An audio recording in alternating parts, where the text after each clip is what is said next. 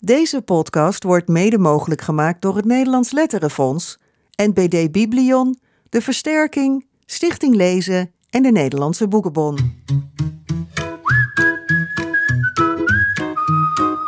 Dit is de grote vriendelijke update met Jaap Frieso en Bas Maliepaard, een onderdeel van de grote vriendelijke podcast. 101ste of gewoon eh, aflevering 101 of 101? Wat heeft jouw voorkeur, Jaap? Nou, eigenlijk 101. 101? Ja, 101. Dus die pagina teletext waar ik 100 keer per dag naartoe ga. Oké, boomer. Ja. Oh nee, Ja. jij bent helemaal geen boomer. Nee, ja. 101. 101. Ja, maakt ook Aflevering niet uit, 101. maar het is in ieder geval de eerste na de 100. Nou ja, goed. Daar zijn we weer. Heb je een fijne vakantie gehad? Zeker, zeker. Eh, twee weken regen en nog een week eh, best wel een Nou. beetje zon. Ja, en we zitten En- nu ook weer in korte broek. Dus, Dat is eh, helemaal waar, ja. ja. En eh, er viel nog bijna een boom op mijn tent. Oh ja. Gegild midden in de nacht. Het was een enerverende vakantie. Ja, Maar goed, eh, en, en jij hebt eh, op de zaak gepast, ja op ik de was, GVP? eh, ja, zeker. Want ik had mijn grote vriendelijke vakantie al gehad. Dus, eh, en ik heb natuurlijk naar eh, zomergasten gekeken. Hè. Ja. En dat was met Bibi Dumont Tak. Dat was misschien nog wel een beetje het kinderboeken hoogtepuntje van deze, deze zomer. Absoluut. Met al die lovende reacties en echt nou ja, heel, veel, heel veel aandacht en reacties. Hoe, heb jij ernaar gekeken? Ja, ik, eh, eh, ik, ik zat dus nog op de camping in de Belgische Ardennen en er was de internetverbinding niet heel goed. Dus ik was steeds een beetje tien minuutjes op en tien minuutjes af. En toen dacht ik op een gegeven moment, ik kapper mee. Dus toen ben ik thuis, heb ik het heel rustig nog achter elkaar drie uur lang gekeken. En ik heb me drie uur lang niet verveeld. Nee. En ik vind het ontzettend leuk dat de rest van Nederland nu ook kennis gemaakt heeft met Bibi Dumontak. Want wij kenden haar natuurlijk al. Hè. Ze Ja. was in onze tweede aflevering te gast. En later hebben we ook haar eh, Albert Verwij-lezing nog eh, gepubliceerd. Ja, eh, dus het is heel, heel fijn dat... Ja, het is toch leuk om te merken. hè, Dat van oh, een kinderboekenschrijfster. En dat is eigenlijk gewoon de leukste zomergast van dit jaar geweest. het was voor het eerst hè, dat er een kinderboekenschrijver... Wel een echte- tenminste, als je Lydia Ja. Rood niet ja, meetelt. precies. Ja. En die was op dat moment, toen zij zomergast was, ook vooral beroemd van haar erotische romans voor volwassenen. Ja. ja. Ja, nou goed, zij zat er echt wel een kinderboekenschrijfster. Ja. Ja. Veel en er waren echt heel veel, op social media heb ik een beetje meegekeken, was echt heel lovend. Mensen kennen haar natuurlijk toch ook weer niet in grote getalen, dus dat is dan altijd een beetje een leuke verrassing. Maar vooral de krantenrecensies waren echt heel positief. Eh NRC schreef een enerverend en ontroerende uitzending. Het Parool sprak van een memorabele aflevering. En de Volkskrant noemde het een van de meest oprechte en prettige tv-gesprekken in tijden. Nou, kijk. Dat kan ze in de zak steken. Zeker. Ja, ging En- het ook nog wel... En Theo Maassen ook, hè, want ja, die deed het. dat is waar. Ja. Ja. Ging het voldoende naar ons zin over kinderboeken? Nou, het had, had wat mij betreft nog wel iets meer gemogen. Ik had Ja. ook wel gehoopt dat er in de tv-fragmenten bijvoorbeeld iets kinderboekigs voorbij zou komen. Dus dat wel een fantastisch fragment van eh, Renate Dornstein met Adriaan van Ja. Dis in. Maar goed, Ja. dat is dan toch, toch de volwassen literatuur. Nee, Annie, had, Annie zat al in een andere zomergast. Ja, Dus, ja. Ja, precies. Khadija Ariep had Ja, die eh, ja. laten zien. Hè? Maar eh, het, het ging af en toe ook nog wel even over kinderboeken, bijvoorbeeld eh, in dit fragment. Wat ik merk is dat er heel weinig gelezen wordt en dat er heel weinig ehm, kennis wordt genomen van kinderboeken van nu. Met onderwerpen van nu. Die vragen misschien wel kunnen beantwoorden van de Ja. problemen die kinderen nu hebben. En dan zeg ik altijd tegen Of je minder eenzaam kunnen laten voelen, omdat je weet dat andere mensen die problemen ook hebben. Het is Ja. niet eens het antwoord, maar Ja. het is soms wel fijn om te weten dat andere mensen daar ook mee worstelen, toch? Ja, maar dat is het. En dan zeg ik ook tegen die eh, le- leraren, eh, maar lezen jullie dan wel voor jezelf? Vaak geen tijd. Maar dan zeg ik, hoe kan je niet lezen als je... Kijk, je hebt je eigen levenservaring, maar meer heb je niet. Maar je hebt wel 30 kinderen voor je met ook 30 geschiedenissen. Je kunt niet met jouw eigen levenservaring 30 kinderen bedienen eigenlijk. Dus als die op een dag huilend aan je tafeltje staan omdat hun vader In de gevangenis. in de zit. gevangenis Ja. zit of weg is, of, of, of- dan moet je een antwoord hebben. En dat antwoord haal je niet van TikTok of wat dan ook. Dat haal je eh, eh, uit boeken. Ja, zo, ik vind het zo mooi hoe ze uitleggen gewoon wat boeken kunnen doen. Ja. Om maar even de slogan van de CPNB eh, te gebruiken. Maar ja, echt die kracht van... Je kan nog zoveel levenservaring hebben, of dat heb je misschien nog helemaal niet. En dan, maar in boeken vind je gewoon het leven ook Ja. terug. Ja. En de levens van anderen. En de dus lees van anderen, eh, ja, ja, ja. En ze gingen natuurlijk ook nog even lekker los op de leesmethodes. Wij lezen toch al in de krant, al ieder jaar, dat het leesniveau van Nederlandse Ja. kinderen waanzinnig Ja. eh, eh, daalt. We, we bungelen onderaan. En toch worden er steeds weer nieuwe uh, veilig leren lezen deeltjes of nieuwe. Uh, uh, hebben ze weer een nieuw systeem bedacht. Weet je, het zal, ja, ik vrees dat scholen het die kopen dat allemaal. Ja. Die lopen leeg op, op, op die dure schoolboeken. Maar het is dus onveilig wat kinderen. Ze want, want ze leren het niet. Want het niveau gaat naar beneden. En dat komt omdat het gewoon echt. Ja, ik erger me helemaal dood. Omdat het zouteloze verhalen zijn die ze moeten lezen. Flauw, met allemaal vragen daarbij. Allemaal vragen daarbij.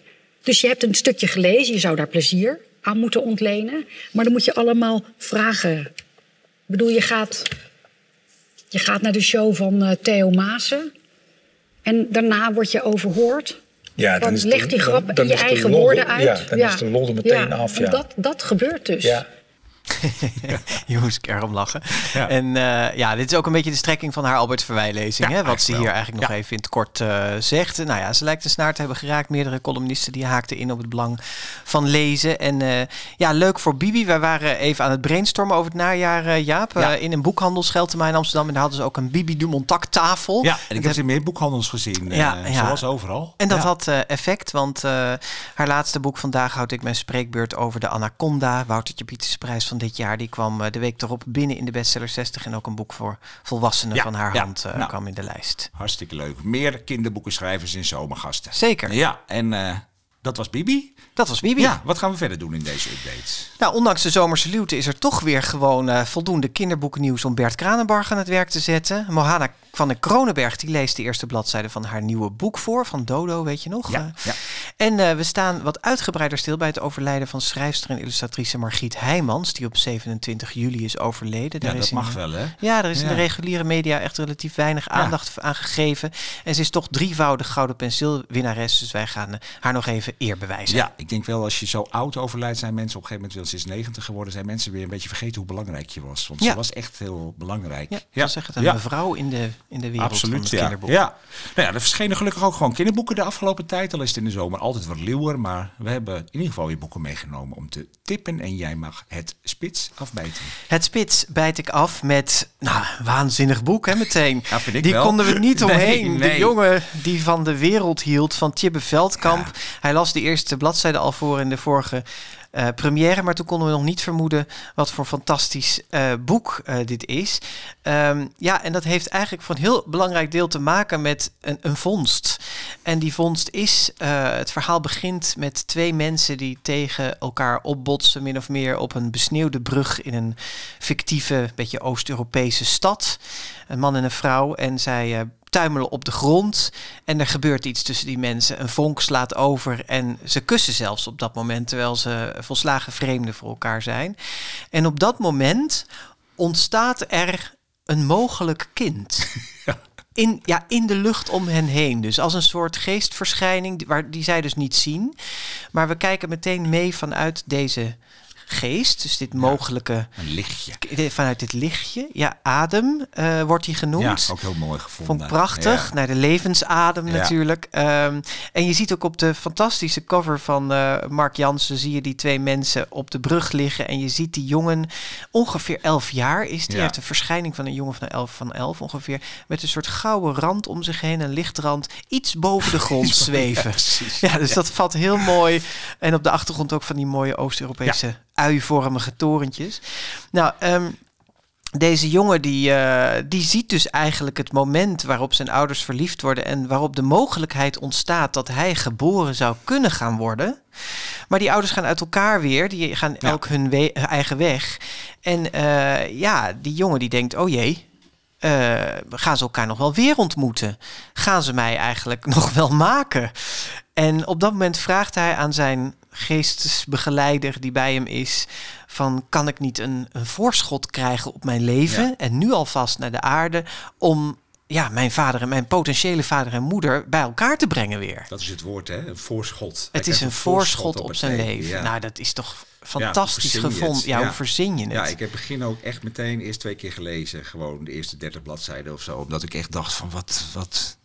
heb ik het goed gelezen? Ja. Weet je, wat Ja. gebeurt hier? En ja, het is echt fascinerend. Ja, nou hij krijgt dat voor schot en dan in de vorm ook van een zandloper die hij in zijn zak meedraagt. En eh, die telt eigenlijk de tijd af die hij heeft om zijn vader en zijn moeder te gaan vinden in die stad. En hij heeft geen, geen idee hoe ze heten en waar ze wonen. Dus dat is een enorm avontuur en een speurtocht.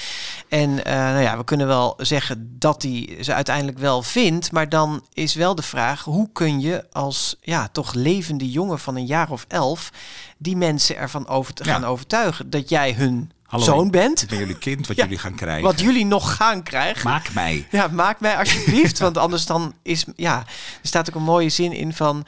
Anders is die ten dode opgeschreven zonder ooit geleefd te hebben. Ja. Vond ik ook mooi. Ja, terwijl het echt een personage is wat je helemaal gelooft. Ja. Dus hij is er eigenlijk, maar hij is er niet. Nee. En dat, dat, Dat- is een, ja. een prachtig idee. En het is een buitengewoon romantisch boek. En of het uiteindelijk gaat lukken, dat eh, moeten mensen zelf natuurlijk gaan lezen. Ehm, maar het, eh, het ontroert. Ja. Eh, het is dus magisch realisme, zoals je dat dan noemt. Hè? Ja. En ja, Daar hou ik nooit zo van, maar in dit boek wel. Ja, Ja, fantastisch. En, en Veldkamp is eh, natuurlijk vooral bekend van zijn prentenboeken. Hè. We hebben hem ook met, samen met Kees de Boer te gast gehad over Maar eerst ving ik een monster. Maar hij heeft ook echt hele leuke, goede jeugdboeken geschreven. Altijd wel met een licht absurdistische Ja, ik heb ook een beetje het gevoel, ik zat erover na te denken, omdat hij dat toch minder schrijft. Dat, dat, het lijkt net alsof hij dan, dat hij ook zit te wachten op zo'n idee, dat hij echt weer een goed idee heeft. Ja, hij heeft er echt meer tijd voor meer nodig. tijd misschien. genomen. Ja, maar die boeken ze hebben wel altijd echt een, een gelaagdheid en een, zit echt een goed idee eh, Ja, achter. Ja, en, en, en in dit boek komt dat echt eh, het is heel... eh, briljant uit de verf. Ja, ja. het is heel filmisch. Ik Ja. kan me echt, nou ja, ik, ik zou als ik filmproducent was er heel snel bij zijn. Want dit kan een fantastische film worden. ja, maar eerst het boek lezen. Eerst het boek lezen. Het is niet eens zo super dik. Nee, en eh, nou, eh, nog wat, eh, wat zwart-wit illustraties van Mark Jansen staan ook in eh, het boek. Daar heeft hij heel mooi hele pagina's steeds voor genomen. En eh, ja, eh, ook een beetje die gloeiende wintersfeer van die stad. Ja. Die die daarin mooi eh, vangt. Ja, heel bijzonder. Tjibbe Veldkamp. Een van de hoogtepuntjes van dit jaar. Precies, de jongen die van de wereld hield. Illustraties Mark Jansen uitgegeven bij Querido. En dit zou volgend jaar zomaar in de prijzen kunnen gaan vallen. Zomaar, ja. En het is gekwalificeerd voor 10 plus. Zoiets, hè? Nog een ander 10 plus boek. Ja, Ja, zal ik dat doen? doe maar. Zal ik de, zal ik de ehm, Zuid-Afrikaanse titel voorlezen? Nou ja, kun je. Zuid-Afrikaans goed uitspreken, Jaap? ik, Of, ja. nou, probeer het eens. Oren motorfiets, een zombiefliek en getallen wat door 11 gedeeld kan worden. Nou, Dit is eh klinkt meer als Jacobs. Fries, maar... nou, nou, nou, nou. Het is, hij heeft altijd, het is een derde boek in Nederland wat vertaald is. En, ehm, Jaco Jacobs, hè? Ja, Jaco Jacobs. En eh, het heet in het Nederlands dus over een zombiefilm en gelukkige getallen. En al die drie boeken hebben lange titels. En het is ook altijd heel fijn om die in het Zuid-Afrikaans eh, te lezen. Het eerste boek was Een mooie dag om in een boom te klimmen. Dat heeft de zilveren griffel eh gekregen. Hebben wij ook getipt? Hebben we ook getipt. En dingen die ik niet over schapen wist. Eh, ja, en dit is eh, best wel weer een oude boek van hem. Maar ik denk de uitgever denkt, we gaan lekker al die boeken die hij heeft geschreven. ja, ouder in Zuid-Afrika. Nou, er uit, want nee, het is- nee. is nu uitgegeven, Ja. maar hij heeft het al wat langer geleden geschreven. En ja, er zit heel veel in. Het gaat over, eigenlijk over drie kinderen. Over Martin, eh, Chris en Driekes. Mhm. Martin is eigenlijk de, de verteller. Eh, de- zijn vader is overleden, komen we wel vrij snel eh, achter. En hij ehm, belt bij zijn buurjongen aan, dat is Driekes, omdat er iets is met een van zijn kippen. En ze krijgen in het begin eigenlijk een beetje ruzie, maar al snel Driekes blijkt... het zijn best heftige dingen als ik het zo achter elkaar vertel, want Driekes blijkt een ernstige vorm van kanker te hebben. Eigenlijk terminale kanker. Maar die eh, haalt eh, Martin binnen en zegt: hey, eh, ik wil een film maken. Ik wil een voordat ik, voordat ik dood. Nou, dat zegt hij eigenlijk niet eens. Hij wil gewoon: ik wil nog een film maken. Ik wil een zombiefilm maken. En eh, Martin moet er niet zoveel van hebben, maar die denkt: ja, moet die jongen toch een beetje helpen. En ze gaan samen die film maken. Ja, en het levert een hilarisch verhaal op. Waar op een gegeven moment een meisje, dat heet dan Chris, nog bij komt. Dat, dat Martin altijd in de bus heeft zien zitten, maar nooit zo goed mee durfde te, te praten. En ja, die drie karakters die vullen elkaar prachtig aan. Zijn heel eh, complementair, zeg je dan. Maar ook ja, hoe ze onderling... Ze zijn alle drie een beetje vreemd. Tenminste, ja, die ene jongen is eh, bezeten van die, de- van die film maken. En ze is erg ziek. En Martin die heeft eigenlijk een soort ja, iets in het autistisch spectrum. eh, dan weer, daarom is hij zo bezeten van, eh, van getallen. En als hij even niet meer goed weet hoe het moet in het leven, dan gaat hij heel erg op Grijpt hij daarop terug? grijpt hij heel erg terug. En ondertussen komt zijn moeder nooit het huis uit nadat zijn vader is overleden. Dus dat speelt Ja. ook heel erg op de, op de achtergrond. En, eh, Maar het is heel lichtvoetig geschreven. heel hè? Het is dus helemaal dat- niet nee, dat je helemaal denkt niet. van een Nee. dramaboek. Nee, en dat is juist zo mooi eraan. Het is heel grappig. Weet je, die zombiefilm is echt hilarisch. Die beleven daar een avontuur mee. Die gaan ze in een schuur maken. En dan blijkt ook een, een, een daar eh, de opslagruimte te hebben. En dat heeft ook weer iets met zijn familie te maken. Nou ja, allemaal best van die gekke, absurde dingen. Maar het is... Ja, ondertussen gaat het wel over... eh, het einde is ook echt... Ik moest echt, ja, ik moest echt huilen. Ik hou niet zo snel een boek. Was dit jouw huilboek ja, dat van dit een beetje jaar? mijn huilboek. Ja, omdat je wel echt denkt, oh verrek toch. Weet je zo, Ja, nou, heb ik ja. misschien een beetje verklapt. Maar het is, het is, ja, maar het past helemaal. En ehm, ja, het gaat heel erg wel over rouwverwerking. Want ja, de naderende dood van die ene jongen en zijn moeder die nooit over De dood van zijn zoals vader. het vader wil Ja. praten. En dat, nou ja, dat komt ook allemaal een beetje los. En ik heb één zin opgeschreven die ik echt gewoon heel mooi vind. Dat gaat heel erg over die Martin. Want die Martin heeft meteen een oogje op Chris. En nou ja, dus hij weet niet zo goed of dat ook wederzijds is. Omdat hij zelf zo raar is. Maar hij is wel heel origineel en bijzonder. En Chris zegt dan op een gegeven moment...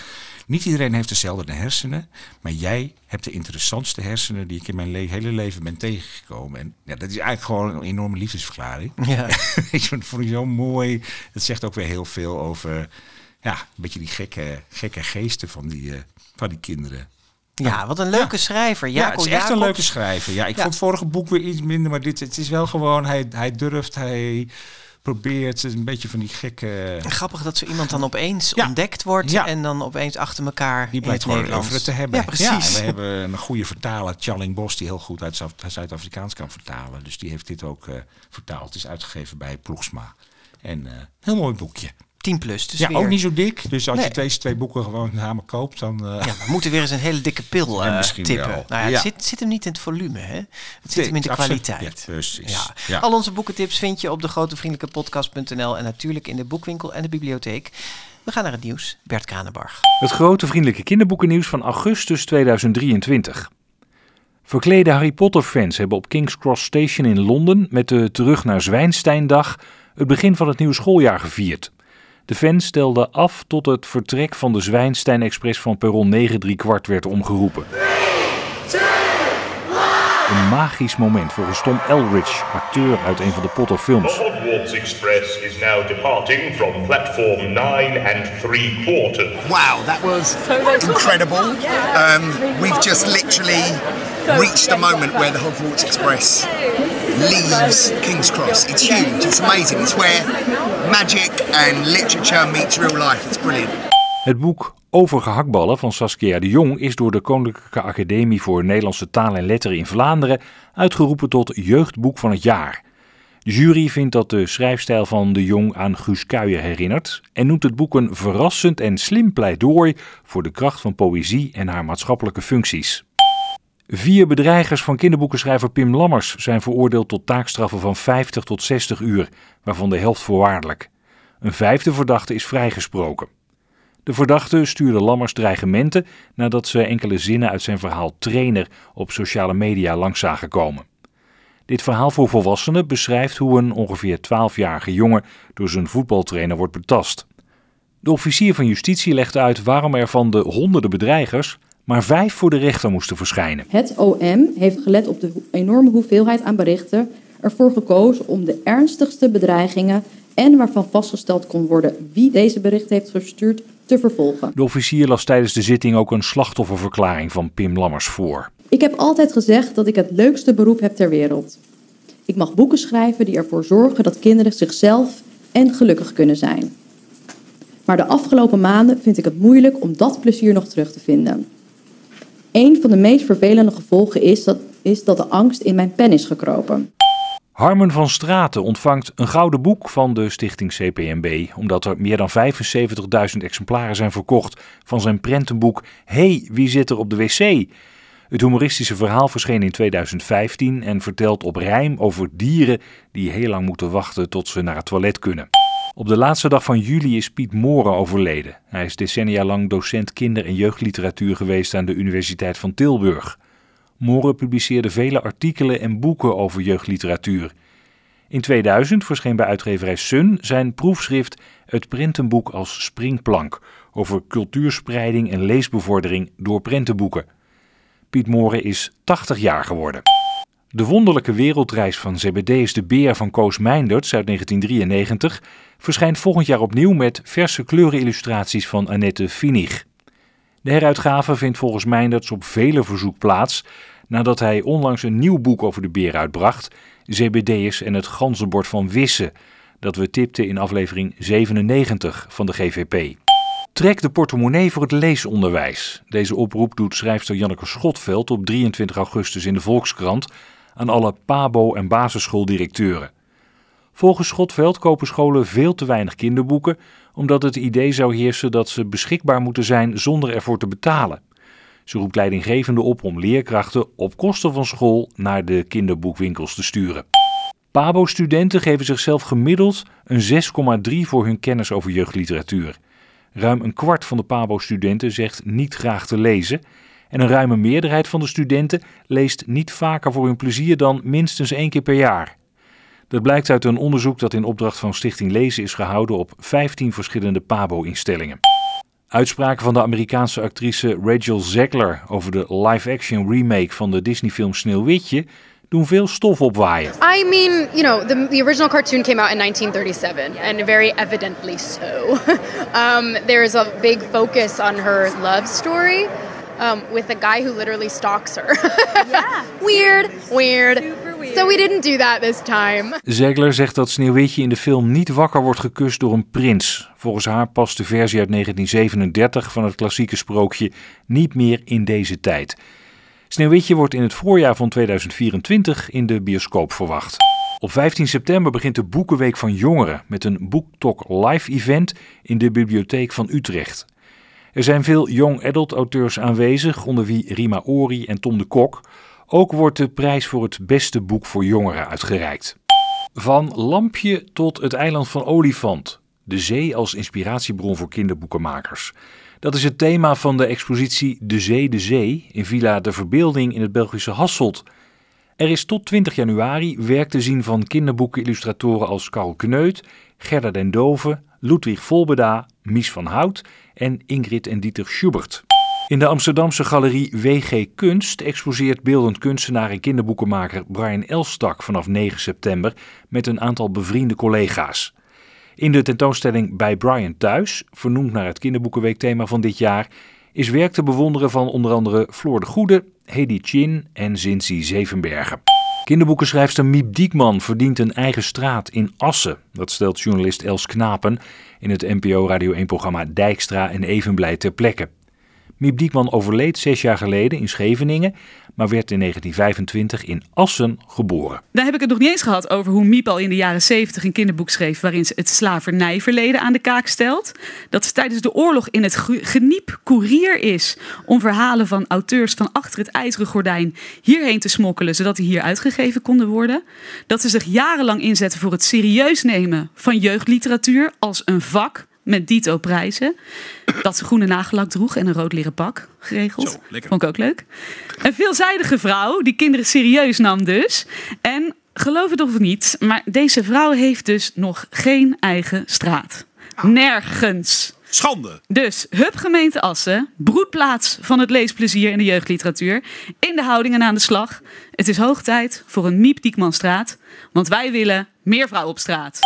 Ja, wij willen meer kinderboekenschrijvers op straat. Ja, ja, Ik zou zeggen, alle koloniale zogenaamde helden van de bordjes af. En allemaal kinderboekenschrijvers ja, terug in de plaats. Ja, nou ja, ik vind dit dus heerlijke berichtjes. Hè? Dus ik dacht, ja, ja daar ga je over nadenken van... Hey, dan begint er een tripje Ja, in begint er zo over. Ja. Zijn er eigenlijk meer straten? En wij zaten daar een beetje zo over te filosoferen. En we kwamen wel op wat Annie M. G. Smit-achtige dingen. Maar verder ook weer niet zo heel veel. En het liep mij, ja, je zei Jaap laat toch los, maar het liep me niet los. Het is maar een klein onderwerpje, ja. Jaap. Maar toen ging jij door. Nou ja, toen eh, ontdekte ik dat er iemand in Nederland is die heel veel van straatnamen, alles van straatnamen weet. Die heeft ook een boek geschreven over straatnamen met name. Die heet René Dings. Dus die stuurde ik zomaar even een mailtje van, hey René, wij vroegen ons af of we meer... Uh, straten met naar kinderboeken zijn uh, genoemd naar kinderboekenschrijvers. En, we kregen een mail terug. ja, precies. Even Zo leuk. Terug. En uh, nou, daar ga ik even uit citeren ja, en voorlezen. Want uh, nu, dan zijn we helemaal op de hoogte. Er zijn een stuk of veertig straten naar Annie M. G. genoemd. Dus het klopte wel dat wij daar vooral op aansloegen. en ook naar Viep Westendorp trouwens. En in Gorkum, dat wist ik wel, daar is een buurt waarin de personages... oh, leuk. ja, ja, dus je kan daar... Ik kende iemand die woonde op de Dikkertje Dap. de, dik, de Dikkertje Dap nummer 5. Ja, of op de Jeppe Janneke of op de Floddertje. Um, het is wel zo, dat wist ik ook wel, dat uh, je kan eigenlijk een, krijgt pas een straat als je aantal jaar, dat verschilt een beetje per gemeente, maar meestal moet je vijf of tien jaar overleden dood zijn. Ja, ah, is ja. niet een wet van mede en persen, maar nee. is wel een beetje omdat natuurlijk altijd nog ineens kan blijken dat je tijdens je leven iets heel raars doet en dan heb je een straat en dan moeten ze dat weer moeten omvormen. Ze dat weer omvormen ja, en zo. Dus het zijn, uh, nou ja, de, de meeste straten zijn dus echt van Arnhem Gesmied. Maar wat oudere schrijvers, uh, die, die onderwijskinderboekenschrijvers zoals Jan Lichthart en uh, Theo Thijssen, die hebben er een aantal. Anne de Vries heeft er een uh-huh. aantal. Sissy van Marksveld, Jaap de Haar. Toch ook vijf Thea Beckman oh, ja. straten ergens. Ja. En in twee plaatsen is er iets bijzonders aan de hand. Berkel en Roderijs heeft een kinderboekenschrijvers buurt echt. Ja? En in Voorschoten is een hele literatuurwijk. En daar zijn ook best veel kinderboekenschrijvers uh, vernoemd. En daar heb je ook Tonke Dracht, dus die leeft nog. En uh, Carrie Slee. Oh ja. Dus daar hebben ze het wel aangedurfd. En uh, ook Paul Biegel heeft daar een straat. Vind ik ook heel leuk. Ja. Ja, we gaan een keer op excursie naar de Paul Nee, volgens mij heeft hij daar niet een straat, toch? Hij had toch een brug? Oh, een brug? Nee, ja, kan en, ook. Ja, precies. Nee, tuurlijk. Ik zeg bij alle straat, maar er kunnen wel paden, lanen, allees zijn. Ja. Zeg maar. Ja. Ja. En, en Dick Brunner, die heeft natuurlijk in Utrecht ook... Ja, daar woon ik vlakbij. Het Nijntjepleintje ja, heb je daar ook. Ja, maar ook ja.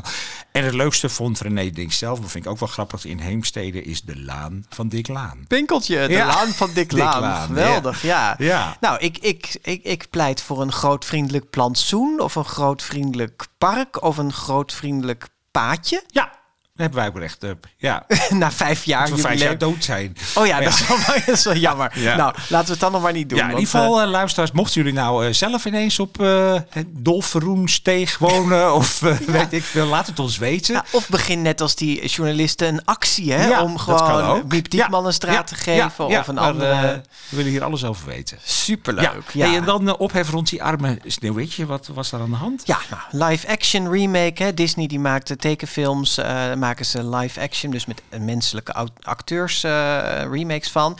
Volgend jaar komt hij uit en die Rachel Zegler, die de Sneeuwwitje gaat spelen, die, uh, ja, die bleek uit de interviewtjes die al gedaan zijn met haar, bleek een beetje dat ze het verhaal hebben aangepast, een beetje aan de moderne tijd. Uh, er komen waarschijnlijk geen dwergen meer in voor. Ze wordt waarschijnlijk niet wakker gekust door een prins. Woke, woke. Uh, het is allemaal heel woke. ja. En uh, ja, daar worden mensen dan meteen boos ja. over. Hè? En die gaan allemaal boze TikTok-filmpjes erover maken. Van ja, ze vinden haar ook allemaal zelf ingenomen. Dat zij als actrice dat allemaal zo zegt. En eigenlijk piest op al die oude ja. mooie verhalen die we allemaal kennen.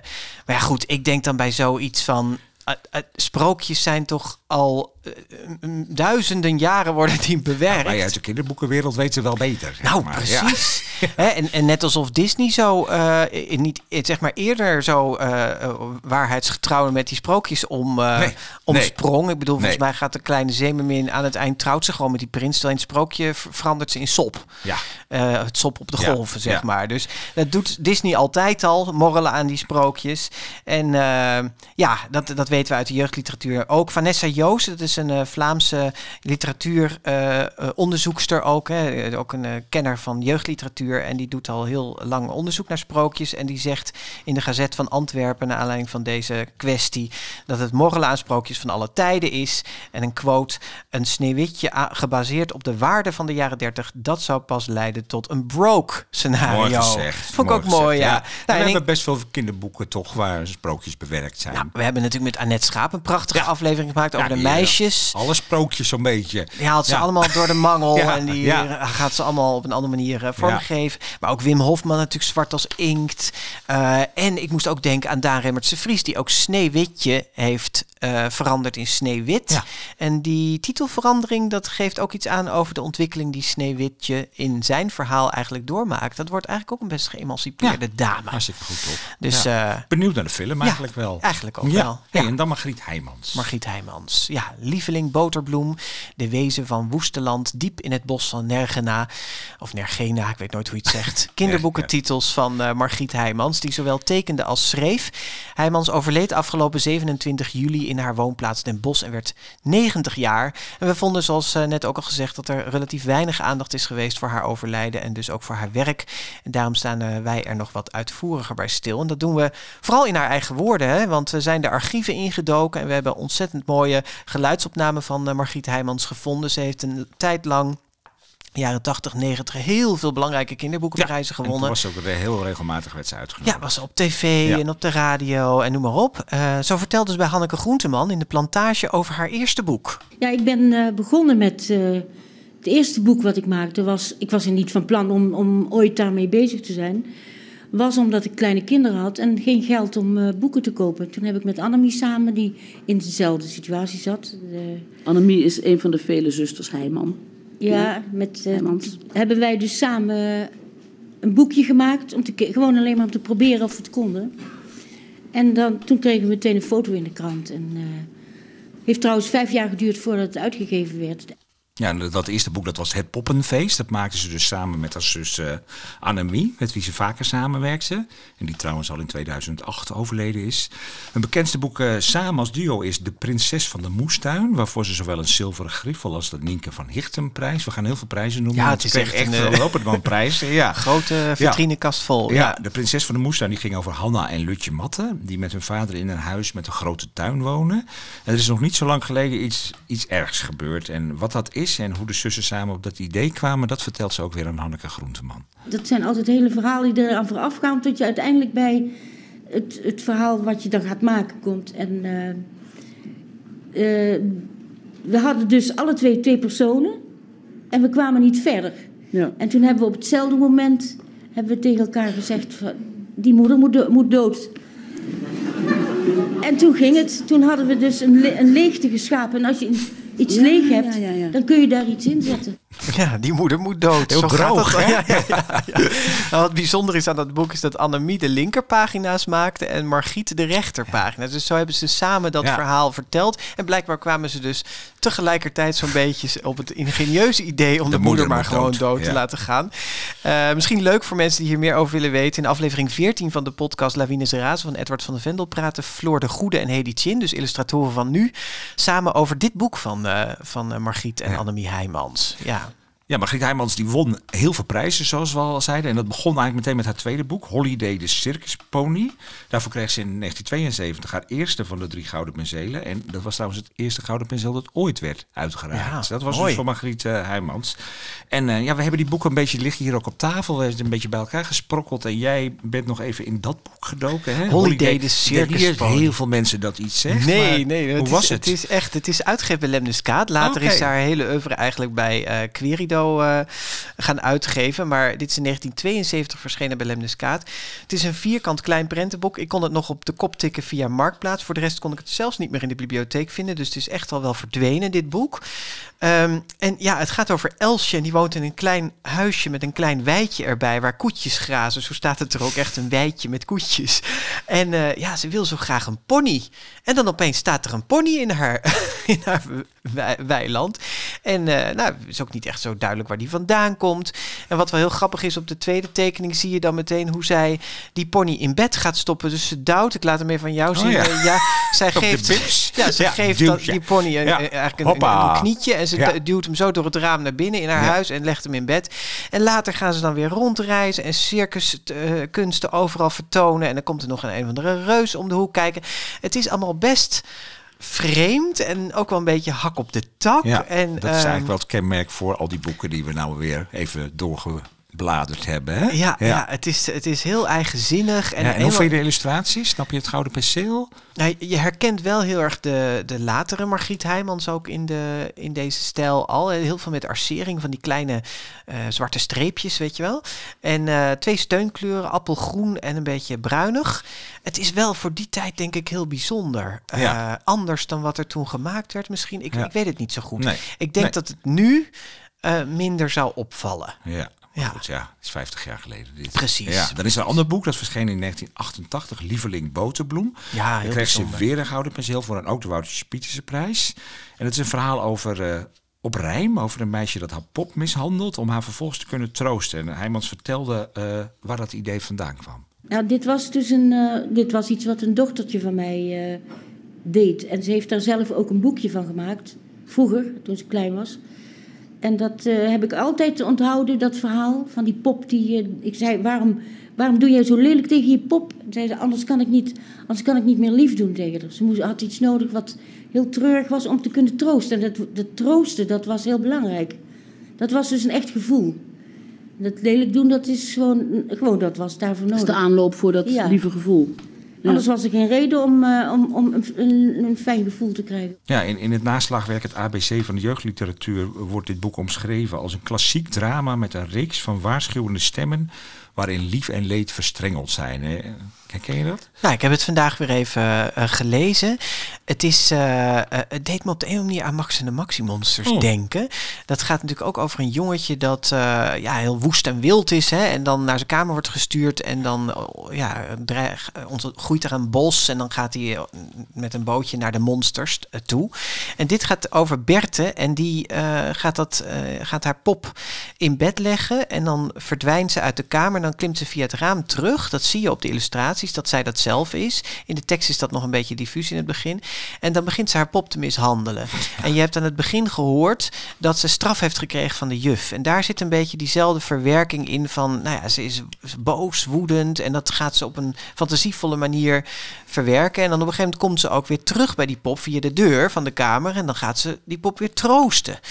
Dus het is heel erg... Dit de- doen kinderen echt, hè? Ja, dit doen kinderen ook wel echt, ja, denk dus ik, je kan ja. echt merken dat ze dat... dat nou, die kindergeest, die kinderziel wel goed eh, in haar hoofd Ja, heeft. ja, dat stelt ze natuurlijk ook, hè, dat haar dochter het ook deed. Ja, precies. Ja. Het is, het is eh, heel eh, ja, literair geschreven, zullen we maar zeggen. Dus het is echt in vers vorm met ja, bijzondere taal. Ja. Ehm, ja, ik zou het ook niet per se nu aan een kleuter of zo voorlezen. Nee. Het is meer, eh, ja, ik vond het als volwassene wel echt heel bijzonder om te lezen. En ik kan me voorstellen dat er sommige kinderen zijn van een jaar of 9, 10 die dit ook eh, bijzonder vinden Ja, om te nou lezen. laten we een stukje luisteren, want ze las er zelf al iets voor, ook in de plantage. Later, als ik groot ben, neem ik kinderen met houten koppen die je zo in bed kunt stoppen. Dat ze niet meteen gaan huilen als je niet met ze wilt spelen. Of geen liedjes voor ze zingt. Brood gegeten en gezwegen over wat je niet kunt weten. Schemering, herinnering, paardenbloemen afgesneden. Hemel om een ziel gebeden. Zij is een pop, maar wie ben ik? Ja, dat, is- dat is- ja, dat doet mij ook veel, nog steeds iets. Hoor. Als ik, ja? ja, dat, eh, ik denk dat, dat het ook wel erg voor mij gaat trouwens. Als ik zo van eh, kinderen met houten koppen die je zo in bed kon stoppen, ja. Ja, ja. ja, dit is de laatste bladzijde van Lieveling Boterbloem. Ja, ja. ja. ja. Ehm, misschien haar bekendste boek uit haar oeuvre is wel De Wezen van Woesteland, denk ik, uit 1997. Ook goed voor een gouden penseel. In eh, een aflevering van Het Klokhuis vertelde ze over dit boek. Dit is eigenlijk het eerste boek wat, het, wat helemaal een, eh, een verhaal moest zijn. En eh, daar ben ik eigenlijk helemaal niet geschikt voor. Ik kan niet goed verhalen vertellen die zo lang eh, doorgaan. Ik schrijf heel veel en dat zijn dus allemaal korte stukjes vaak. En daar heb ik dan eh, van alles door elkaar staan. Dan staan er, staat er hier, gaat het hierover en daar daarover. En dan, eh, dan zijn er dingen die denk, nou die kan ik goed gebruiken voor een eh, ander boek nog. En dan haal ik ze soms erin en dan passen ze niet. En dan moet ik weer zo schrijven totdat ze weer, weer goed zitten. Ja, het klinkt chaotisch, hè? Weet je, ik al, vind het echt leuk om naar te luisteren. Ik heb natuurlijk veel voor haar geluisterd en gekeken. Ze is heel eerlijk. En Ja. eh, op een gegeven moment vraagt Hanneke Groenteman... wat is het gezellig bij jou thuis? Ik zeg, nee, het is helemaal niet gezellig. Ik ben helemaal geen leuke moeder. ja. Nou ja, goed. En, en, en wat ze hier eh, schetst, dat herken ik dus eigenlijk al uit eh, Ja. haar tweede boek Holiday de Circus Pony. hè. Een beetje dat bij elkaar gepotporiseerde, zeg jij dan altijd zo mooi. Dat is jouw lievelingswoord. Ja. Herken jij dat? Jij hebt De Wezen van Woestland herlezen. Herken jij dat daarin ook? een heel merkwaardig boek ik, ik heb er wel echt met heel veel plezier gelezen. En dit is wel een boek waarvan ik denk, dit zou je misschien nog wel weer uit kunnen brengen. Het, lijkt ook van de boeken die we hebben liggen wel heel erg gewoon wat mee- meer op een boek van, eh, Van nu, ja. Dat is natuurlijk ook uit de jaren 90. Ja, het gaat over een, eh, een nieuwe juf op school. Zo begint het ook. Toen we naar de 50 gingen, kregen we een nieuwe juf. Die heet Josefa Muizenveld. Mooi. Die heeft twee bolletjes op haar hoofd. Beetje zo'n zo'n Minnie Mouse eh, stel ik me daarbij voor. Dat zie je ook op de tekeningen. Maar die wordt wel heel snel weer van school weggestuurd. Want ze verkoopt larikoek volgens de ouders. En dat woord larikoek, dat komt er steeds in voor. Dat stelt ook in een van de interviews dat, dat, dat ze zelfs zo van larikoek houdt. Zonder larikoek hebben we geen kinderboeken. zegt ze. nou ja, dat heerlijk. En eh, die kinderen gaan haar dan opzoeken, want die missen haar. En die vinden haar ergens in een soort molen. En daar gaat zij dan weer eh, aan die kinderen vertellen, een verhaal vertellen over de vijf wezen van Woesterland. Dus het is een verhaal in een verhaal. Een en soms ja. weet je ook niet helemaal, ja, maar het is soms weet je eigenlijk in welk verhaal zitten. Ik was dan het voorlezen thuis, denk in welk verhaal zitten we nu Oh ja, weer? ja. Weet je, dus dat heeft ook wel echt dat chaotische tekeningetjes zijn echt heel leuk. Beetje ja, kleine tekeningetjes maakt ze allemaal. Het is geen strip, maar wel. Maar dat doet ze veel, hè? Ja, al die boeken zijn het kleine- vaak wat kleinere ja, Het zijn tekeningen. ook allemaal een beetje kleine mensjes en Ja, eh, een ja. beetje priegelig is het. Maar ja, het ziet er heel eh, wel aantrek- aantrekkelijk uit. Maar ik vond het een heel vreemd, ja. vooral vreemd boek. Maar dat maakt natuurlijk ook wel leuk. En ik dacht, goh, wordt dit, misschien wordt dit ook wel niet meer zo geschreven nu. Weet je, een beetje dat Dat gevoel had ik ook een beetje toen Ja. ik dit las. Het is heel eigen, maar ook heel bevreemdend. Wat Beetje ze... hoekig is Ja, het. ja. Ja. en zo is zij zelf ook wel. Dus eh, Ja, Ja. Een, een dubbel talent dus, hè? want ze kon zowel schrijven als tekenen. En eh, ook daarover vertelde ze bij het Klokhuis. En een leuk detail voordat we gaan luisteren. Oh. De interviewer die je hoort is Monique ik dacht, Hagen. is dat de Monique Hagen? Precies, die presenteerde het programma toen. Inmiddels is ze natuurlijk bekender als dichter eh, samen met haar man Hans Hagen. Je vertelt dus een verhaal eigenlijk op twee manieren: in schrijven en in tekenen. Ja, dan ben ik dus eigenlijk gewend van kinds af aan dat ik. eh, wij, wij tekenden en daar zaten we hard op de verhalen te vertellen. Allemaal door elkaar heen. Ja, door elkaar heen. En, eh, en ruzie maken om eh, wie aan de beurt was om, eh, om zijn verhaal dus te vertellen. En die, die vertelde verhalen was eigenlijk een beetje de tekst. Zoals die naar de hand tekst is geworden. Dus het waren eerst tekeningen en dan de verhalen. Die kwamen er bovenop. En dat is eigenlijk nog steeds zo'n beetje zo. Ik ben niet echt een verhalenverteller, maar eh, voor mezelf meer een tekenaar. Ja, niet echt een verhalen vertellen, maar meer een tekenaar. Nou ja, ze schreef eh, eh, nog meer boeken die bekroond zijn. Jip Sloop, dat is ook eh, voor televisie nog een serie van Ja. gemaakt... waarvoor ze een zilveren schriffel kreeg. De tekeningen in Annetje Lee in het Hoogst van de Nacht natuurlijk. Boek van Imme Dros. Dat is de niet, allereerste Woutertje Pieterse prijs. Ja. Maar ik, ik zat op die site te kijken, Ja. maar daar wordt Margriet Heijmans niet bij vermeld. Terwijl nu is het zo dat als een boek bekroond wordt, dan is de prijs voor zowel de schrijver de tweede als de- prijs zei je ook al. Toen werd het wel... eh, Die, eh, ja, of de derde geloof ik. Ja, ja, de tweede ja. won zij, hè, aan Margriet Ja. Heijmans. Maar de Ja. derde, eh, Ja. Nou weer ja. een koppel. Maar Ja, goed, Deze prijs was ook een beetje voor Margriet Heijmans. Ja, ja. vind ik ook. Ehm, haar ene laatste boek, dat heb jij zelfs nog besproken. besproken in de trouw. Ja, en positief ook trouwens. Ja, diep in het bos van Nergena of Nergena. Nergena, ik zeg ja. nee, ik denk dat het Nergena is. Dat verscheen in 2005. Daar kreeg ze dan ook weer de Nienke van Hechten Ja, prijs ging maar door. voor. Dus ja, ik denk dat wij eh, even haar recht hebben gedaan door dit zo... Ja, het is gewoon, een- ik denk, een uniek dubbeltalent eh, geweest. Een eigenzinnige, bijzondere vrouw. Ze heeft iets te weinig eer gekregen bij ja, haar nou ja, overlijden. ze heeft natuurlijk gewoon de afgelopen jaren geen boeken meer uitgegeven. Nee, en er is zelfs, ik zat te zoeken, Ja. volgens mij is er nog maar één boek met werk van Heijmans Levenbaar. Allemaal aan tafel heet dat met tekst van Rinnet Kromhout. Dus dat is natuurlijk ook wel, dan, dan, ja, dan zak je een beetje weg hè, als je boeken niet meer in de winkel staan. Nee, nee. Maar eh, ja, ze heeft eh, een grote rol gespeeld in de jeugdliteratuur. Al was het alleen al vanwege al die prijzen die ze heeft gewonnen. En het, het werk dat ze heeft gemaakt om die prijzen te winnen. En eh, nou ja, waarvan akte, zullen we maar zeggen. Ja, precies. Ja. Ehm, voordat we naar de grote vriendelijke première gaan, nog even stilstaan, want we hebben weer wat te vieren. Ja. Ja, ons vijfjarige bestaan. Absoluut. We hebben die honderdste aflevering pas net gehad. Ja, maar... ja, ja nee, als deze update online komt, dan is het precies vijf jaar geleden dat we zijn begonnen met de GVP. En eh, dat gaan we eh, vieren. Ja. Onder andere met een aflevering eh, die we een beetje lusteren met luisteraars hebben genoemd. Want daarin vertellen vijf luisteraars over die ene GVP-aflevering of het ene moment dat voor hun heel bijzonder eh, was. Ja, leuk. En Ja. we hebben vijf geweldige acties bedacht voor onze luisteraars en vrienden. Die maken we ook in die aflevering bekend. Leuke dingen om te winnen en eh, om mee te maken.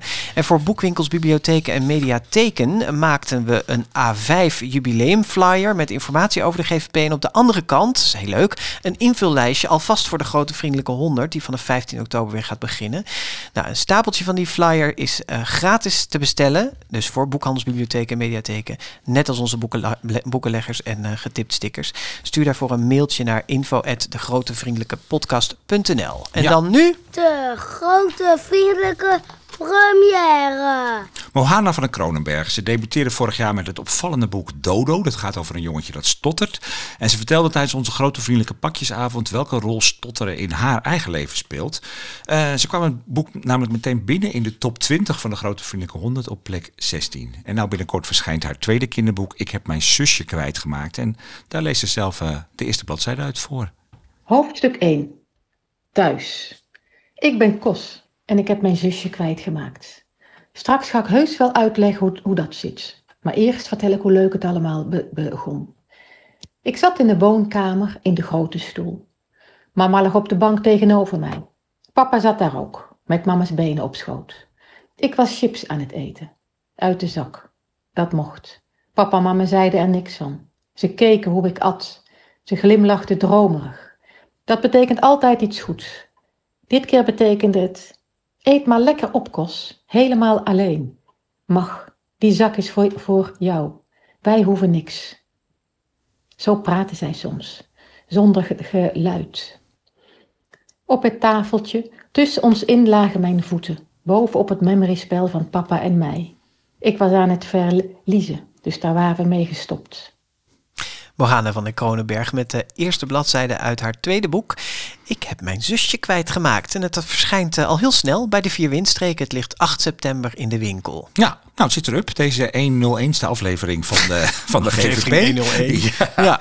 Wij namen op 4 september op een maandagavond in kinderboekenwinkel Kiekeboek in eh, Haarlem. Technicus Ma Brouwer stond ons weer bij. En eh, ja, volg ons vooral via onze sociale media onder de GV Podcast. Of kijk op onze website degrotevriendelijkepodcast.nl. Ja, we zijn er dus eigenlijk meteen, as we speak, op dit moment. Dat is gek. Ook al met een aflevering 102, waarin we het eerste lustrum vieren met luisteraars. En eh, halverwege september met Sanne Rosenboom. Tot dan. Tot dan. Dit was de grote vriendelijke update. Heb je kinderboekennieuws? Mail het naar info@degrotevriendelijkepodcast.nl.